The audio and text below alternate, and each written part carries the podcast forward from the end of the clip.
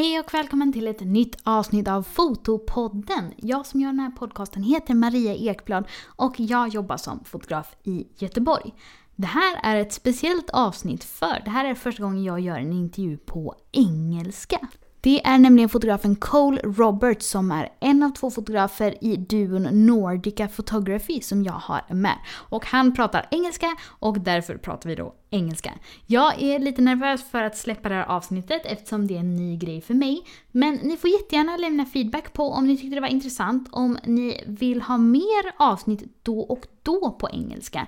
Så kan det ju öppna upp för massa spännande gäster. Det kommer fortfarande vara en svensk podcast i grund och botten, men det här är lite som ett experiment. Om ni inte redan är med i Fotopoddens Facebookgrupp så tycker jag att ni ska gå med där. Vi är superhärligt gäng och pratar foto varje dag. Mig hittar ni ju på fotograf Maria Ekblad på Facebook, Instagram och på Youtube. I den här intervjun pratar jag och Cole om hur han började fotografera, hur han och Jakob började jobba tillsammans, hur de lägger upp det med sina olika bröllop och hur de jobbar idag. Vi pratar även om Way Up North som de startade och även deras senaste business som är företaget Kolla som säljer printar med fina motiv. Här kommer min intervju med Cole.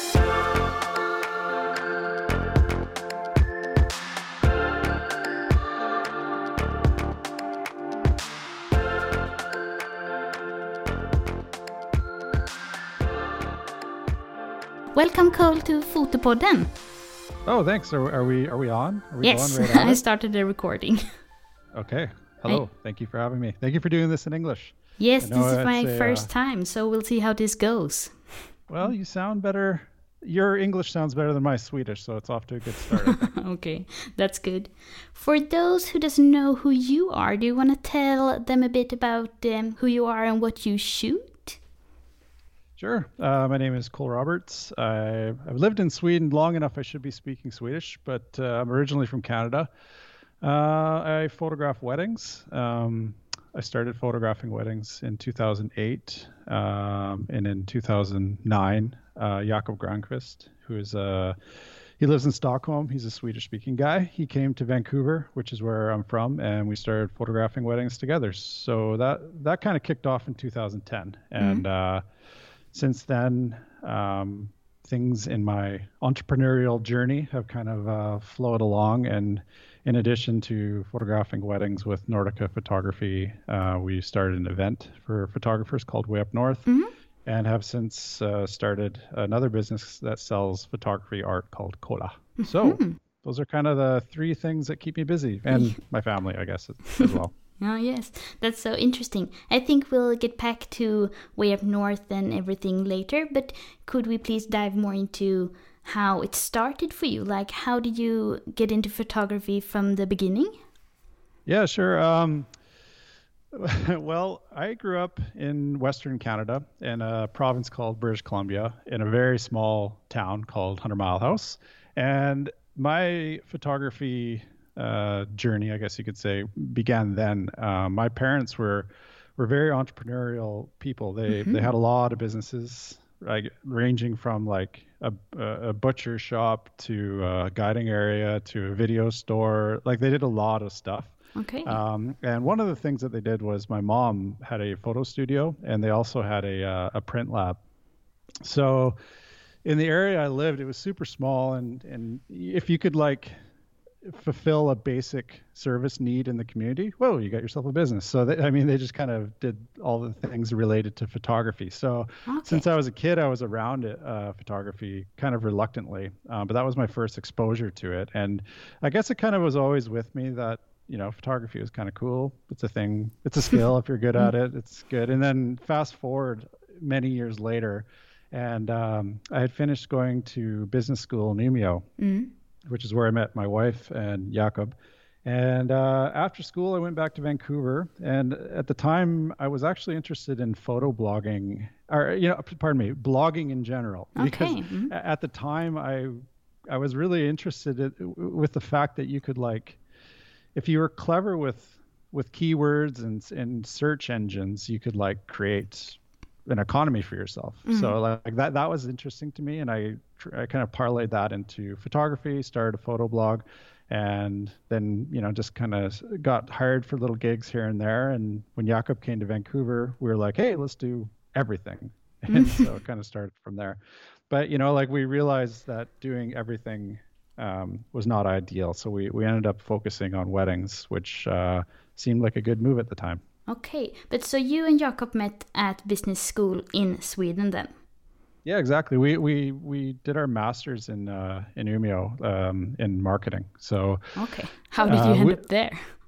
Uh, that's a good question. At, I don't know how how interesting this is for your listeners, but like at the at I finished my undergrad in business in Vancouver, and uh, during my undergrad, I, I, had done an exchange to Helsinki, and okay. I was there for six months. And I really kind of fell for for Scandinavia, the Nordic region in general. Mm-hmm. Um, so after my undergrad, I I was kind of determined to go to go back and do a master's degree. So I had applied to like every every university in Denmark, uh, Sweden, and Norway um, for for master's programs, and ended up getting accepted to one in Denmark actually, mm-hmm. um, and in Norway and in Finland. And I chose the okay. one in Finland, but the first semester was in Sweden, and so that's where I met Jakob. Uh-huh, um, okay. Yeah, it's uh, like again, I don't know how interesting that is for for a well, listener. Well, I think it's but... interesting that you both went to business school because I guess you both could use the things you learned there in your business later.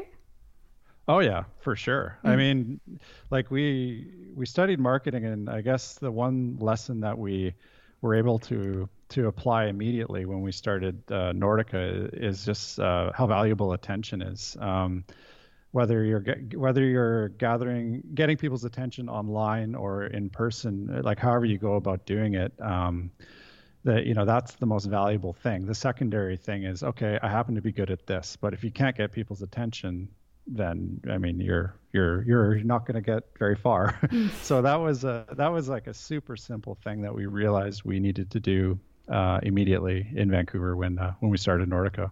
Okay, when you started, how did you get your first clients then?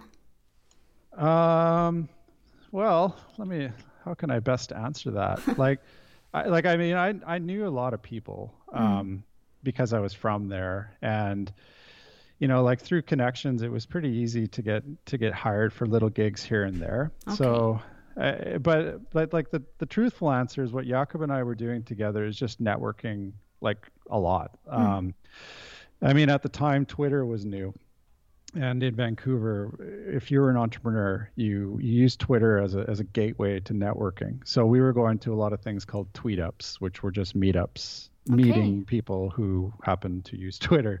So at these at these tweet ups, I mean, we were we were kind of like labeled the photographers uh, right out of the gates, which which was super handy. Mm. And and you know we like, I mean, maybe this sounds like we had a a great strategy, but in all honesty, I don't think we did. Like we we I mean we were we were just doing as much as as we we could. Like I mean, we wanted to do weddings, but we weren't only doing weddings. I mean, I remember one time uh, Jakob had to get his passport. Uh, he needed to get a stamp in his passport. Um, he so we basically he needed to cross a border and come back into Canada. So like one gig we did, we got paid in shoes by a lady who had a shoe business right on the border. So okay. we were like shuttling our time. So I mean, we were doing a lot of silly stuff.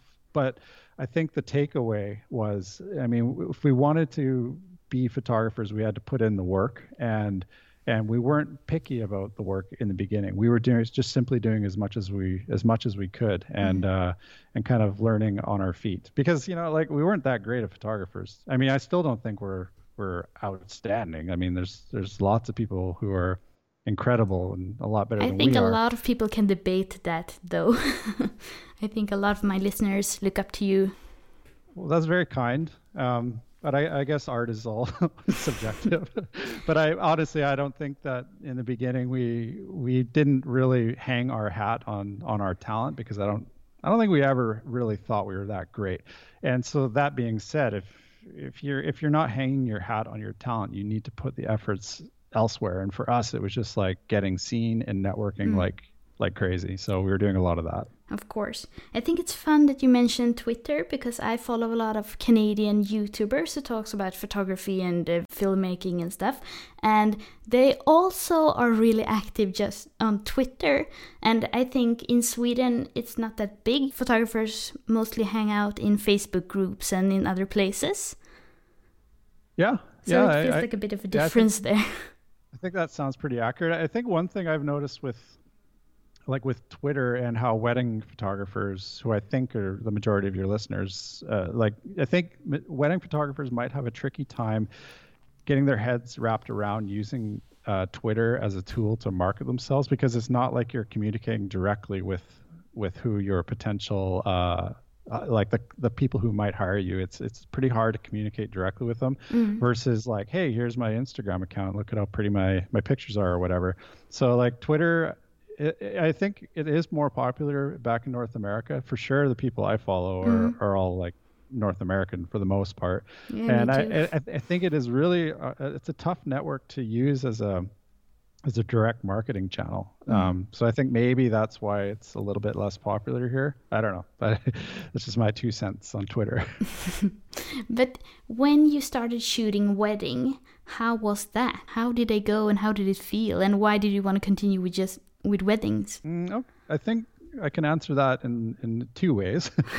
Uh, like uh, the first wedding that I did all by myself, totally solo. Ja- Jakob was not even a thought. Um, it was in my hometown, and it was someone I'd known since she was a kid, and her dad worked with my dad, and I had no idea what I was doing, as most most people don't, but I really didn't. Like I, re- I remember going home after shooting for like an hour and un- unloading my card with beside my then girlfriend, now wife, um, because like, oh, I didn't have enough cards. Oh, Huh, they didn't give me direction to how long to be there. So like I was absolutely clueless, co- completely clueless. And I, I remember like doing the portraits and not knowing what I was doing.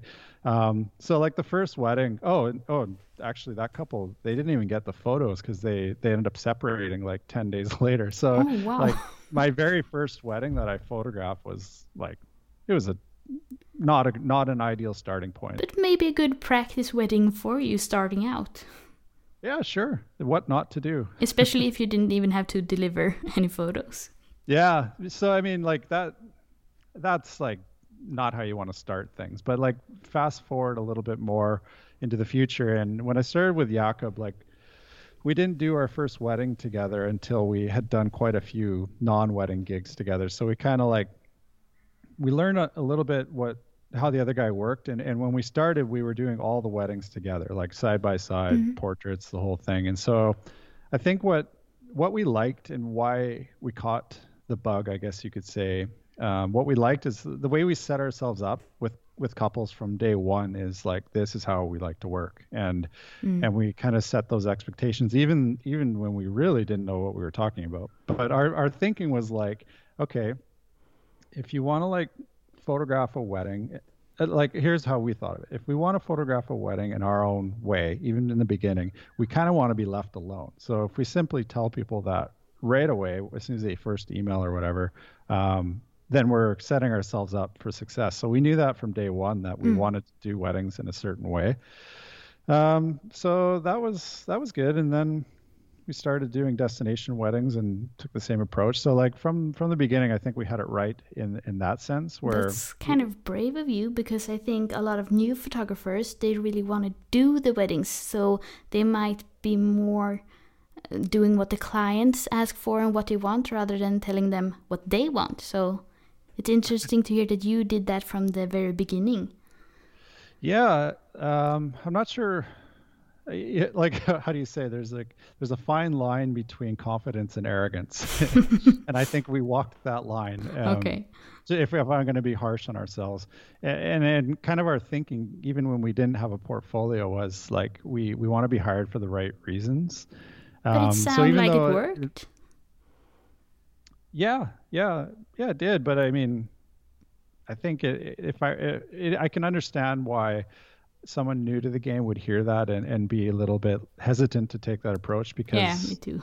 because ultimately like you know you are being hired for a service Mm. so you need to act as such but but I, but at the same co- same time I mean, this what we were communicating is this is how we conduct our service. Mm-hmm. so I was also wondering when Jakob came to Canada, was it to hang out with you and to work with you, or did he just move there on his own? Was he doing photography as well at that well, time? Okay, so we finished school in 2007 in Umeå, and I went back to uh, Vancouver, and Jakob went to Stockholm. Um, when Jakob went to Stockholm, he got a great job right away, like a job that could have easily carried him off into the sunset with a great career. And okay. in that job, in that job, they needed a or they wanted an in-house photographer. Uh-huh, so okay. He he just stepped up and he said, "Hey, I'd like to do it." So they paid for him to take the courses, um, and and kind of get the get the training. And with that, he started a photo blog. And, and that's kind of what I noticed when I was in Vancouver that Jakob had the photo blog because I did as well. So we started mm-hmm. doing like weekly competitions with our photo blog and, and stuff, like kind of just goofing around. But but we realized like we shared an interest. Okay. So how he got to Vancouver was me. he had just broken up with his girlfriend at the time, who later became his wife. Um, okay. But he broke up with her he was kind of seeking adventure, I think, and so the idea was to for him to come to Vancouver for one year, and that was it.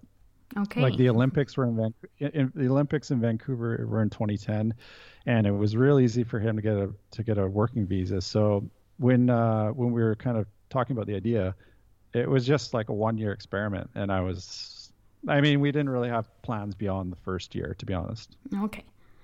But when did you realize that photography and weddings was something that you could actually make a living from and get enough clients to live on it? Um, well, in the first year, I mean, okay. we, we were very fortunate, I would say, mm-hmm. fortunate that like in the first six months, like, like halfway through 2010, we were getting a lot of attention. I and I still don't really understand why, but like people were kind of gravitating towards these two guys working together as mm-hmm. wedding photographers. So I think halfway through that year, we we were we were seeing like how much income was possible, um, and you know if you did things in a smart way, that you could sustain a good job with wedding photography. So about halfway through the first year, we we mm-hmm. we realized, okay, well let's let's take this a little bit more seriously and, and see what we can make of it. This is so impressive. I think a lot of people struggle, like the first years even, to make it sustainable. Well, I don't want to make it sound like too easy because I think wedding photography, like, it's probably the hardest way to make an even easy living. Mm. So I, I wouldn't like. it's not like we just danced our way into getting hired. Like we were putting in the work. And when I mm. when I look back at 2010, um, and the the variety of stuff that we were doing it, i mean it's great it's crazy to me that we did all that stuff so it's not like we just showed up on scene and weddings fell from the mm-hmm. sky we were just doing a, a ton of work um, yeah. but not necessarily just weddings no but things like that usually pay off but when did you get your first destination weddings uh, that the first one we got was with a guy who I played hockey with. He was a goalie on my team, mm-hmm. and uh, again, he just saw that we were doing weddings, mm-hmm. and he was a buddy, and he was getting married in Mexico, uh-huh, and okay. and yeah, we gave him a like a super nice guy deal, mm um, partly because he was my buddy, but all I remember, I remember Jakob and I were like, we can't let this slip away. We mm-hmm. we need to make sure it happens, and so. Uh, yeah, that that's how that one a came golden up. opportunity. Yeah, and and that one, I mean, looking back on it, it was a pretty good starting point for photographing weddings how how we saw them to be. Like I remember mm-hmm. the ceremony was like a windstorm on the beach, and we tried to do family portraits in, in a windstorm, and it was uh, pretty gnarly, but it was fun. And and looking back on it, you know, it was a good starting point um, for our first destination wedding. Mm-hmm the last couple of years and even nowadays, do you shoot the weddings together still, or do you split up sometimes and do different weddings? Yeah, I, I think looking, it was in 2012 when mm. we when we stopped doing weddings together. Okay. Um, simply because it was overkill. Mm. I mean, in the beginning when we when we were like really trying to sell Nordica as as a great option to for wedding photography, like we thought having two guys was adding value, and it really was. But after a while, we realized that, that it, it really was overkill. Mm. So it was just a natural natural kind of evolution, I, I, guess you could say, for us to do things solo, and it also allowed us to double book we- weekends and things like that. So that was in 2012, and after that, uh, we've done hardly any together, maybe maybe five together uh-huh, since. Okay. How do you decide who gets to go where? Um, I like cold places and he likes hot places. So it's, okay. it's easy. No, no, I, I, like I would say we just talk about it and um, see where we're at, mm. uh, what the schedule, what we have going on around then that time of the wedding. It's pretty basic. We keep it casual, but I mean we're able to do that because if you if you were to go to to Nordica's website and and scroll through it, you probably wouldn't have any idea which one of us did the weddings. So that's by design. Mm. Um, and it's by design because our styles are more or less interchangeable. So we say to couples like it doesn't matter which one of us you have with you, mm. you the result will be the same. So that allows us to like um, to to adjust our schedule to whoever wants to do the wedding. Ah, okay. Yeah, I researched you a bit before this, and I, like you said, I looked at your website, and you can't you can't tell which one is made by the other one. Yeah, that's uh, that's by design. we and also we, I mean, we've given up on the idea more or less, but we had ambitions of having a little army of Nordica photographers, and uh-huh, okay. and and in doing so, people who hired Nordica, we could then decide which photographer they would get. But in the end, a studio model is, is very difficult to pull off. So mm-hmm. we kind of killed that idea. Oh, okay. When did you move back to Sweden? Because I understand that you live here now. Yes, I live in Gävle. Okay. Um, what year was that? Oh Jesus, I'm going to get this wrong, but I think it was 2016. We we moved back. So we had had my wife and I had had our first kid in Vancouver, mm-hmm. and after that, I could feel. Well, we talked about it. I shouldn't put it on her. Like we we talked about it and and came to the conclusion that it would be best to raise our kid closer to her home. Mm-hmm. And she's from Söderhamn, and at the time, travel was a like what I was doing every weekend, so I wanted to be close to Arlanda. So we, we just kind of picked Gävle for, for that reason. Yeah, okay. Um, yeah, and then we hmm. moved back over here and have since had two more kids, and we have a, a cozy little life here. that sounds great. In Sweden, there is like much more of a wedding season, like from April to September. But is it like that all over the world, or is it more spread out during the year, or do you travel more some parts of the year, or do you want to tell us a bit about that? Well, I guess I can speak um, speak for Vancouver and British Columbia, and I guess Canada in general. Like, mm-hmm. it, it's pretty similar to Sweden, I would say. Um, it is it is quite seasonal, where your season gets packed into a few short months. Mm-hmm. Um, Depending Vancouver, on the weather, then, and the winter season.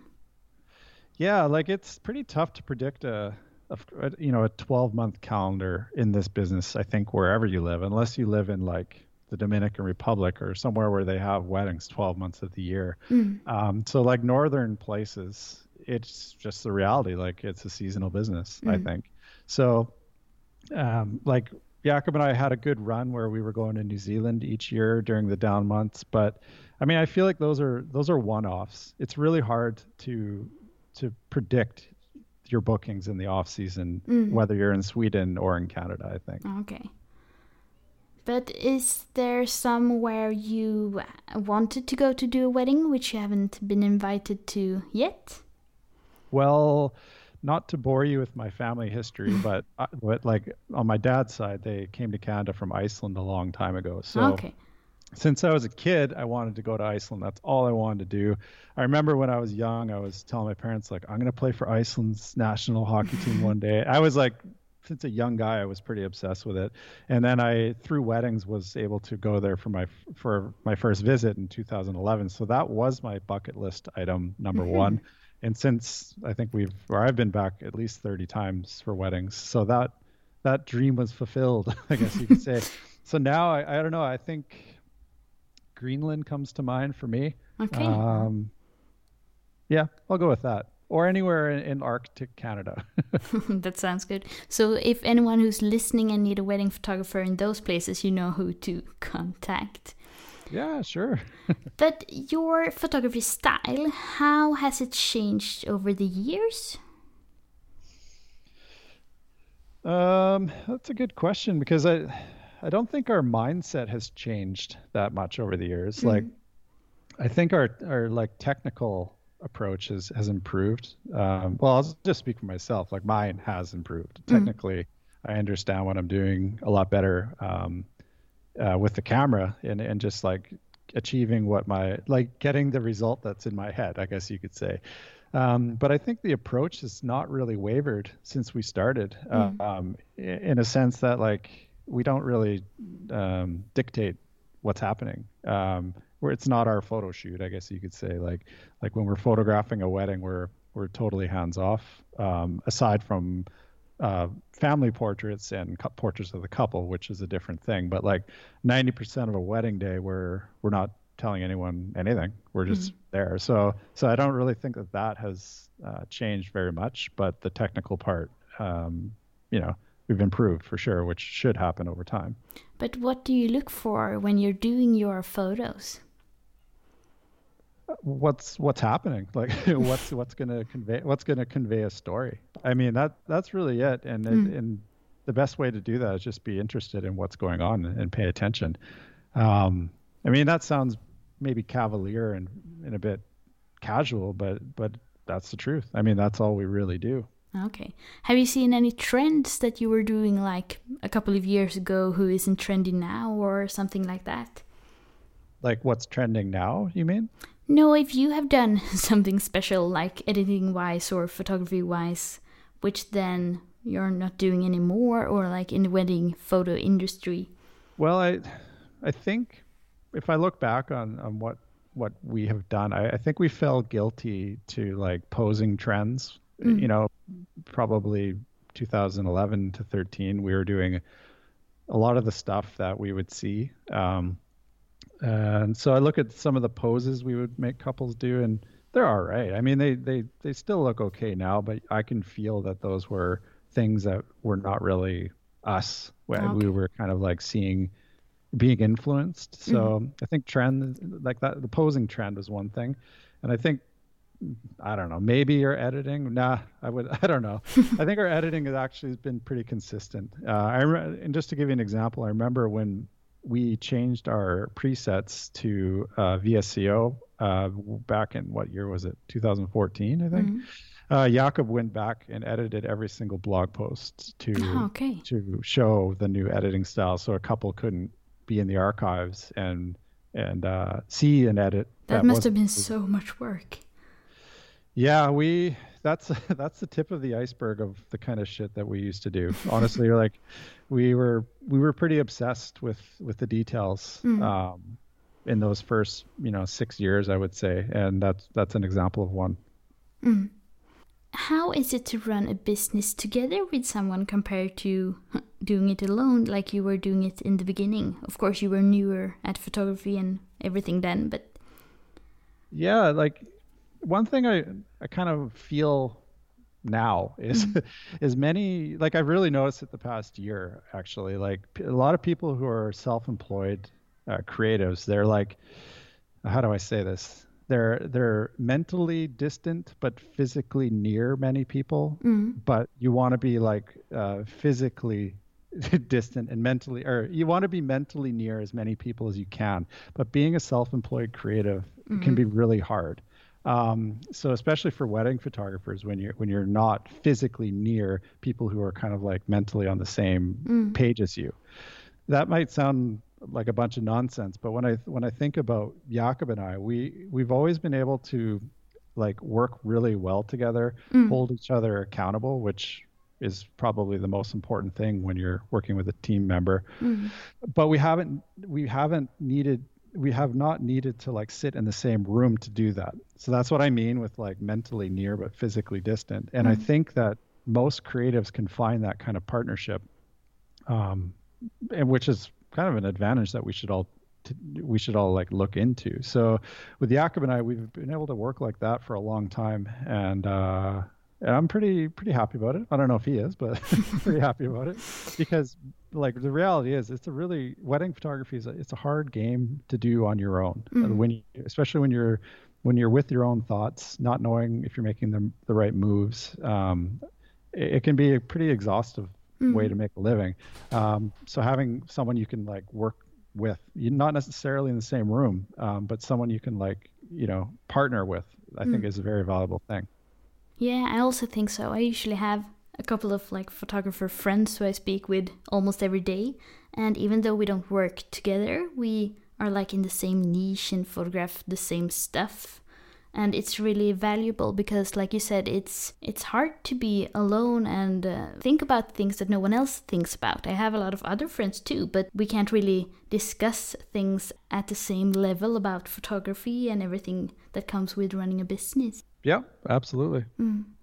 Yeah, and I like like uh, how do I say like community is a nice thing and it's all warm and fuzzy and and like you know online communities are great and everyone loves community mm-hmm. but I kind of think that that can, it, that's an easy thing to fall back onto if you're a creative like thinking you have a community it is nice and it's a positive thing but i think it's a lot more valuable to have a team mm-hmm. where you're where you hold yourselves accountable and by holding one another accountable on a team you're actually getting shit done i think mm. so i think there's a big difference between community and team um, Mm. Yeah. How do you handle if you have like any differences or want to do different things?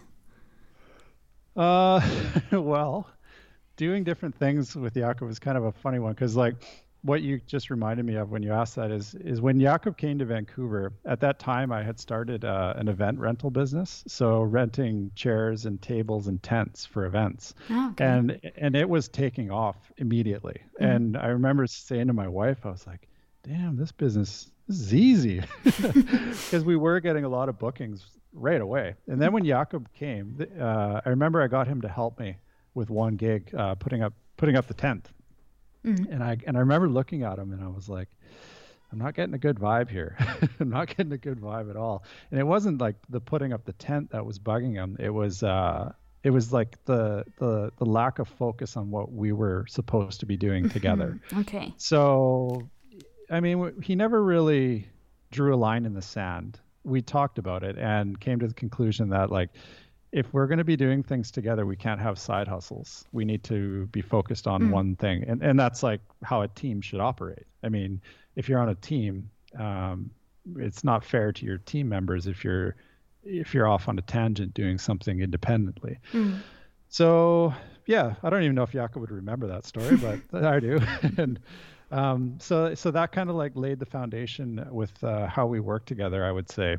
Mm-hmm. Um, but since then, we've been very fortunate that like we don't really have uh, we've never really had blowout or or any major disagreement, and I think that is because we we are playing for the same team, mm-hmm. and uh, I mean we can be honest with each other without being assholes and still get quite a bit done. Mm. And we we kind of do that daily, I would say. Um, even just before this call, we were on Slack talking about something. So yeah, we uh, we're on the same team, and that's just kind of how we approach it. Mm. And do you usually do the same amount of weddings each person? Or uh, that w- that's kind of ch- yeah, it differs now for mm-hmm. sure. Like I mean, we've kind of ebbed and flowed who's doing photographing more than mm. the other guy. Like I, around 2014 to 16, Jakob was he was a madman. He was going everywhere, um, doing way more than me. Mm. Um, the last couple years, I've done more than him. So we'll see what the future holds. but it, it's kind of ebbed and flowed, especially since the other businesses have started. Yeah, of course. Do you want to dive into that and tell us about the way up north? How did you come up with that? And uh, for those who doesn't know what it is. Um, sure. Okay, so what it is is it's an event for wedding photographers. Mm. That's the the short answer. Um, we started it. The, the, idea came to us in 2014. Mm. Uh, well, it came earlier, I would say, 2013, because at the time Jakob and I had been um, presenting at a lot of events kind of around the world. So within the wedding community, I'm, I think most people in Sweden know that there are lots of events around the world that you can go to, and and I encourage people to look at them all and, and go to as many as they can because, I mean, it's a healthy healthy thing to do. Mm. So anyway, yeah, we were presenting at a lot of events, and then we kind of were like, hey, why don't we do our own? Why don't we do our own? Like we, the conversation had always like floated around in our head, but the timing was never right. And then finally, we did an event in Germany, and it was October 2014, and we were like, all right, that's that. We need to do our own thing. Mm. So we were in the hotel and uh, just came up with the idea. Like in one night, we we whipped it up, the whole thing, like the name, the name, where we wanted to host it, who the presenters w- would be at the first event, the structure of the event, how many people we wanted to attend, why we wanted to start it, who would do the website. Like we we, we came up with a master plan in one night, and then the next day got to work and went for it. So. The first event for Way Up North was a year later. It was October 2015 Mm.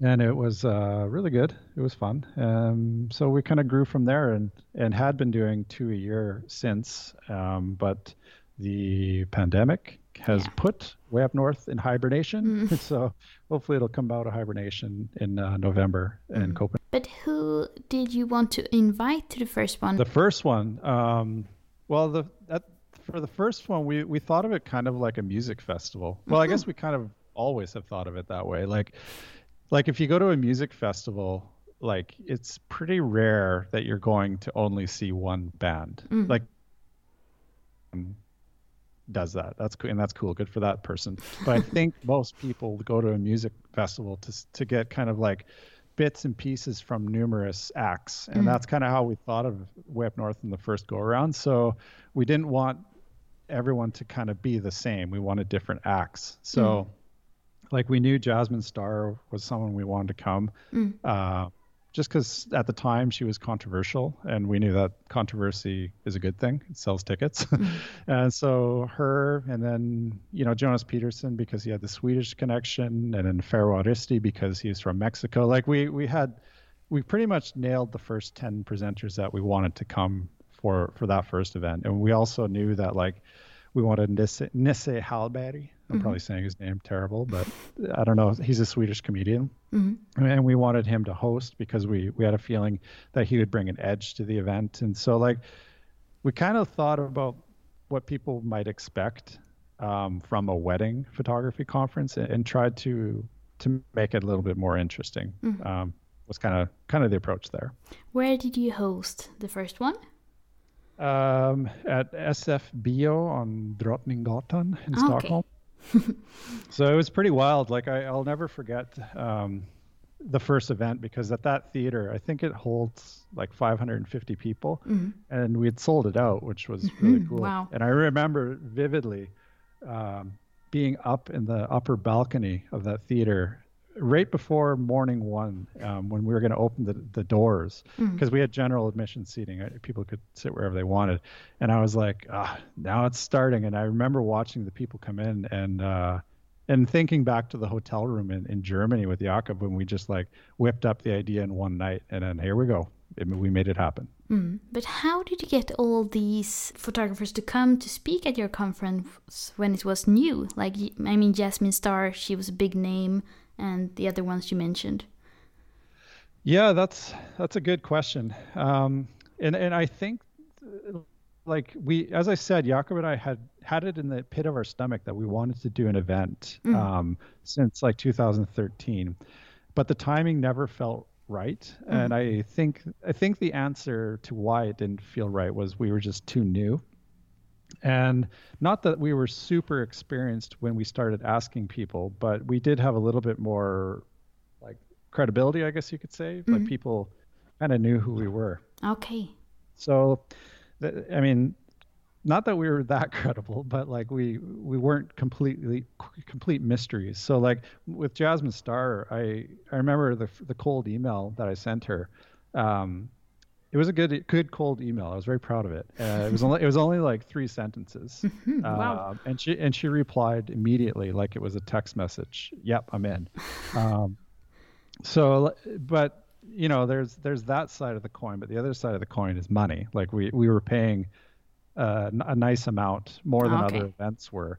Um, so this was not like a charity, and and photographer, pardon me, presenters are they're like no fools. They understand that people, for the most part, are, are paying because of the name, their name on the ticket. So Mm. if you say, yeah, we have a, we plan on having a sold out theater of 550 people, I mean, they're no fools. They're going to be like, okay, well, pay me.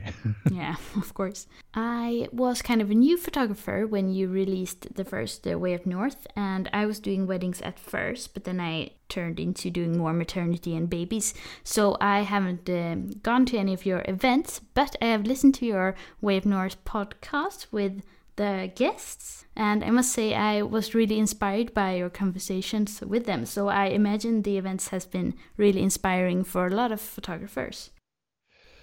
Uh, that's kind of you for saying, first of all. Um, so thank you. Um, yeah, I like. What do you say? You can't really build community behind a keyboard. Like I just don't think you can. And I and I feel like the chord that was struck with people who have come to the events like more than one time, like the people returning because of that community feel. Uh, like you know, that's my evaluation. I, I think. I'm probably pretty biased, and maybe someone else has their own opinion. But No, but I, think that's also what I have heard from people who are going. Yeah. Okay. Great. Yeah. And and like how that how that became a thing, it just kind of happened organically. I, I would say um, throughout the numerous events. Like I don't, I don't know. It's it's hard to create a community um, from the get go. I, I would say that. Like if you start something and hang your hat on this as a community before you've done anything, then you're doing it all backwards. So I, I don't think that we, even if we wanted a community in the beginning, I mean, you can't flick the switch and have one overnight. So it, it's, you know, being consistent with what we present at Way Up North, like in terms of like how the event is structured. I think um, over time people know what they're getting into, and that's why they keep coming back. And at the end, they're coming back for community. Mm. Well, that's so nice. You mentioned your third business also in the beginning. Do you want to tell us a bit about that? Yeah, uh, Kolla it's called. Um, so that how do you how do you say it? like like Jakob and I, Jakob and I again we had um, we had an itch to start something new again, and that was in 2018, and like wall art is no secret, especially to Scandinavians with companies like Desenio and uh, oh, there's lots. I don't need to list them all. So at the time, we were kind of like looking at this trend of wall art, and we weren't seeing uh, photography wall art in that trend in, in a way that we kind of thought about it. So we we knew we wanted to start something new. We we we both shared an interest in e-commerce. Um, like with wedding photography and with Way Up North, I mean that's not e-commerce, obviously, and so things like I don't know, like all the things that come with e-commerce, which is a whole new world, uh, was interesting to us. So we're like, okay, well, what can we do? And we concluded that photography wall art was what we wanted to start with. So Kolla was kind of like born from our network again, I, I would say. Uh, and what I mean by that is like we did two things when we started Kolla.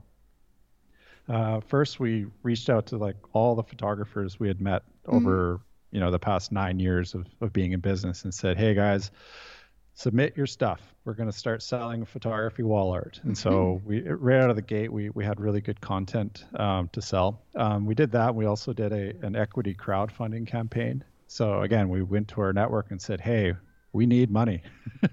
so we did that crowdfunding campaign and and that was success, su- successful um, right away. So that, that's how we started Kolla. But I mean, we to be harsh on ourselves, I would say the first year and a half we did everything wrong. Um, Okay. You know, you, you hindsight's always twenty twenty, and, and looking back at the time, we were like, yeah, this is the right way to do it. But no, it wasn't. We Uh-huh, okay. we learned very quickly some valuable stuff with with the world of e-commerce and we had to switch quickly or the business would have gone bankrupt um, and luckily we we made the switch but we did a lot of stuff wrong in the beginning um, and the only way you know you know, you know the only way you know if you're doing something wrong is by doing it um, so i'm thankful for those lessons and uh, even more thankful that we didn't go bankrupt But what would you have done differently now in hindsight? What would have been better for you? Well, okay, how do I say? Like, okay, when you buy a Volvo, you're buying safety, Mm. and when you buy like a Jeep, you're buying adventure, Mm. and et cetera, et cetera, et cetera. Like you, all these brands that you know of and love, like they're not selling the product necessarily that that they're not selling the product. They're selling kind of like a feeling, I guess you could mm-hmm. say. And I think with Kolla, like what we realize is people with wall art, they, they need a connection, like to mm-hmm, mm-hmm. something they put on their wall at home.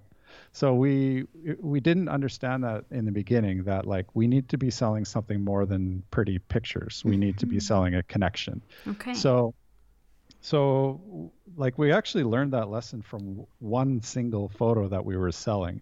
It was a it was a photo of a uh, like one of those orange uh, um, trams in Stockholm. Like inside of it, it's like orange, and it's very like people in Stockholm have like this nostalgic connection to this tram. I didn't know that, but apparently they did. Mm-hmm, mm-hmm. Because we were we were selling okay. we sold like 350 of those in the first year. Mm-hmm. And that and that absolutely crushed like everything else. And we were looking at this one picture and we're like like what's up? Like what, what what's up with this one picture? And we came to the conclusion that it's the connection and it's the nostalgia. So we needed to like stop what we were doing and focus on selling connection so what we did was we stripped away all the photos from the site that weren't um, from stockholm okay. and had some sort of a connection. So like things like abstract abstract photos of leaves in New Zealand or penguins in South Africa or like you know these are all cool photos and but they're completely irrelevant. They're they're abstract photos and they were not selling. So that's what we uh, after the first year and a half is that we needed to be selling something more than wall art. So we focused on connection. okay. And Kind of a long-winded answer. No, but it's interesting. here. I asked you. Uh, but nowadays, does photographers are do you have a couple of photographers that submit photos, or how do you do? anyone can submit photos. Mm-hmm.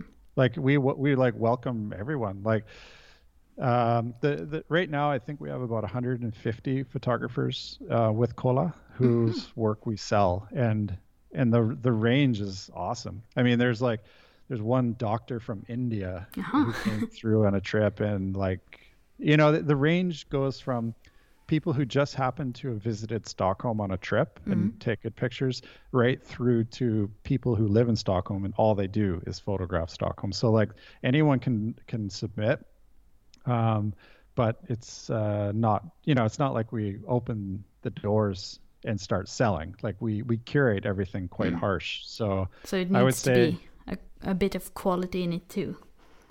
yeah like there's two things we look for like first of all connection if it's if it's abstract we don't accept it there are there are other wall art companies who do great abstract photos but that's not us um, because we, for us like without a connection we can't sell it. And then the other side is like the aesthetic. Um, in the beginning when we started Kolla we we we thought about kinfolk if you know that magazine. No, Uh, I don't know. like it's it's really it's worth your time to get kinfolk. It's, it's good stuff. So we thought about kinfolk and, and they they always have a very distinct and consistent aesthetic with kinfolk all their photos so we thought about that like we need that level of consistency with our aesthetic um, so between connection and aesthetic that's what we look for Okay. I wrote you in my email that I have a Facebook group and I posted there that I was going to do a podcast interview with you. And I asked the listeners if they have any questions, and I have gotten some sent to me. All right So, the first one is What's your best advice to a newer photographer who is trying to build their business? Uh, do everything. Yeah, I, but I mean that doesn't mean show everything.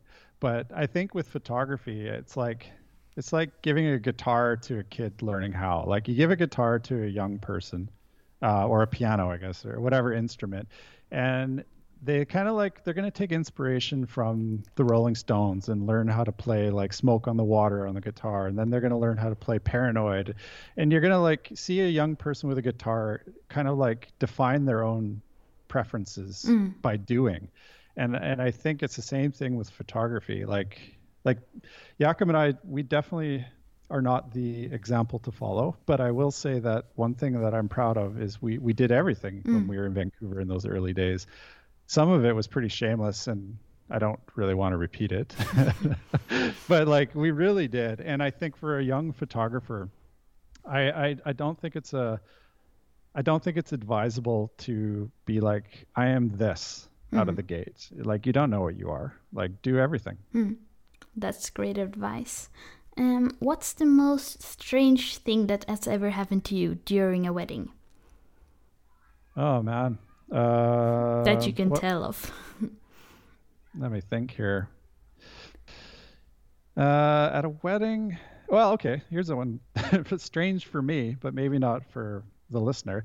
I like uh, I had booked or we had booked a wedding in, in Seychelles, mm. and at the time, to be totally honest with you, I knew nothing about Seychelles. Mm. Nothing. Like I, I knew I was going to a tiny island off the coast of Africa, and mm. that's it. And the couple who had booked us, like I, I was led to believe it was an elopement. Um, because you know that's that's like what they were saying in their emails and i was like okay cool i'm going to the seychelles to do an elopement and i remember when i when i flew there um, i landed at a tiny airport and you know it was it felt strange to be honest because i'd never been there and that's what it's like to travel to mm-hmm. new places i got in the taxi and uh, the taxi driver started talking he's a good guy and he's like so what are you here for and i'm like well i'm here to photograph uh, a small wedding an elopement he's like and he, he kind of said like, "Oh, it's a good thing you're not here for that big one." And I was uh-huh. like, "What do you What do you mean the big one?" He's like, "Yeah, there's like a big one that's taking over the island." so I'm like, "Yeah, yeah, good thing I'm not here for that." And so I, I went to the hotel, and the couple was late, but eventually I met the couple, and uh, like they were the big one. So it oh turned out God. like like the wedding was I think 800 people. Oh wow! And and I had never like okay, I'd never been to Seychelles. I'd never been to a, a Nigerian wedding. It, like they were Nigerian and the wedding was in Seychelles. But it was um, it was chaos, and so like strange. Yeah, I would say it was pretty strange. I mean, like we, the the wedding ceremony, they they put all those people in the basement of the hotel, mm-hmm. so there were no windows, and that was their wedding ceremony. Okay. So like it, before going, you know, I was thinking about a beautiful African island with sandy you know white sandy beaches and i'm going to go photograph an elopement that's going to be on a mountain like but no it was uh it was a lot of work and yeah that's what came to mind with the question okay thank you for sharing um, this was really fun talking to you. If someone want to find you on social media or internet, where do they go then? Uh, I'm not that exciting myself personally online. so, but if you want to follow me, I think my Instagram account is underscore Cole Roberts and on Twitter underscore underscore Cole Roberts. But again, I'm not very active. But but Nordica, Kolla, and way up north are the places where you'll kind of like you won't see me, myself or Jakob directly, but the, we're behind the scenes uh, pushing the buttons. So yes. any of those three accounts. Yes, thank you so much for joining me at Photopodden, Cole. It was so much fun. Yeah, right on. Thanks a lot.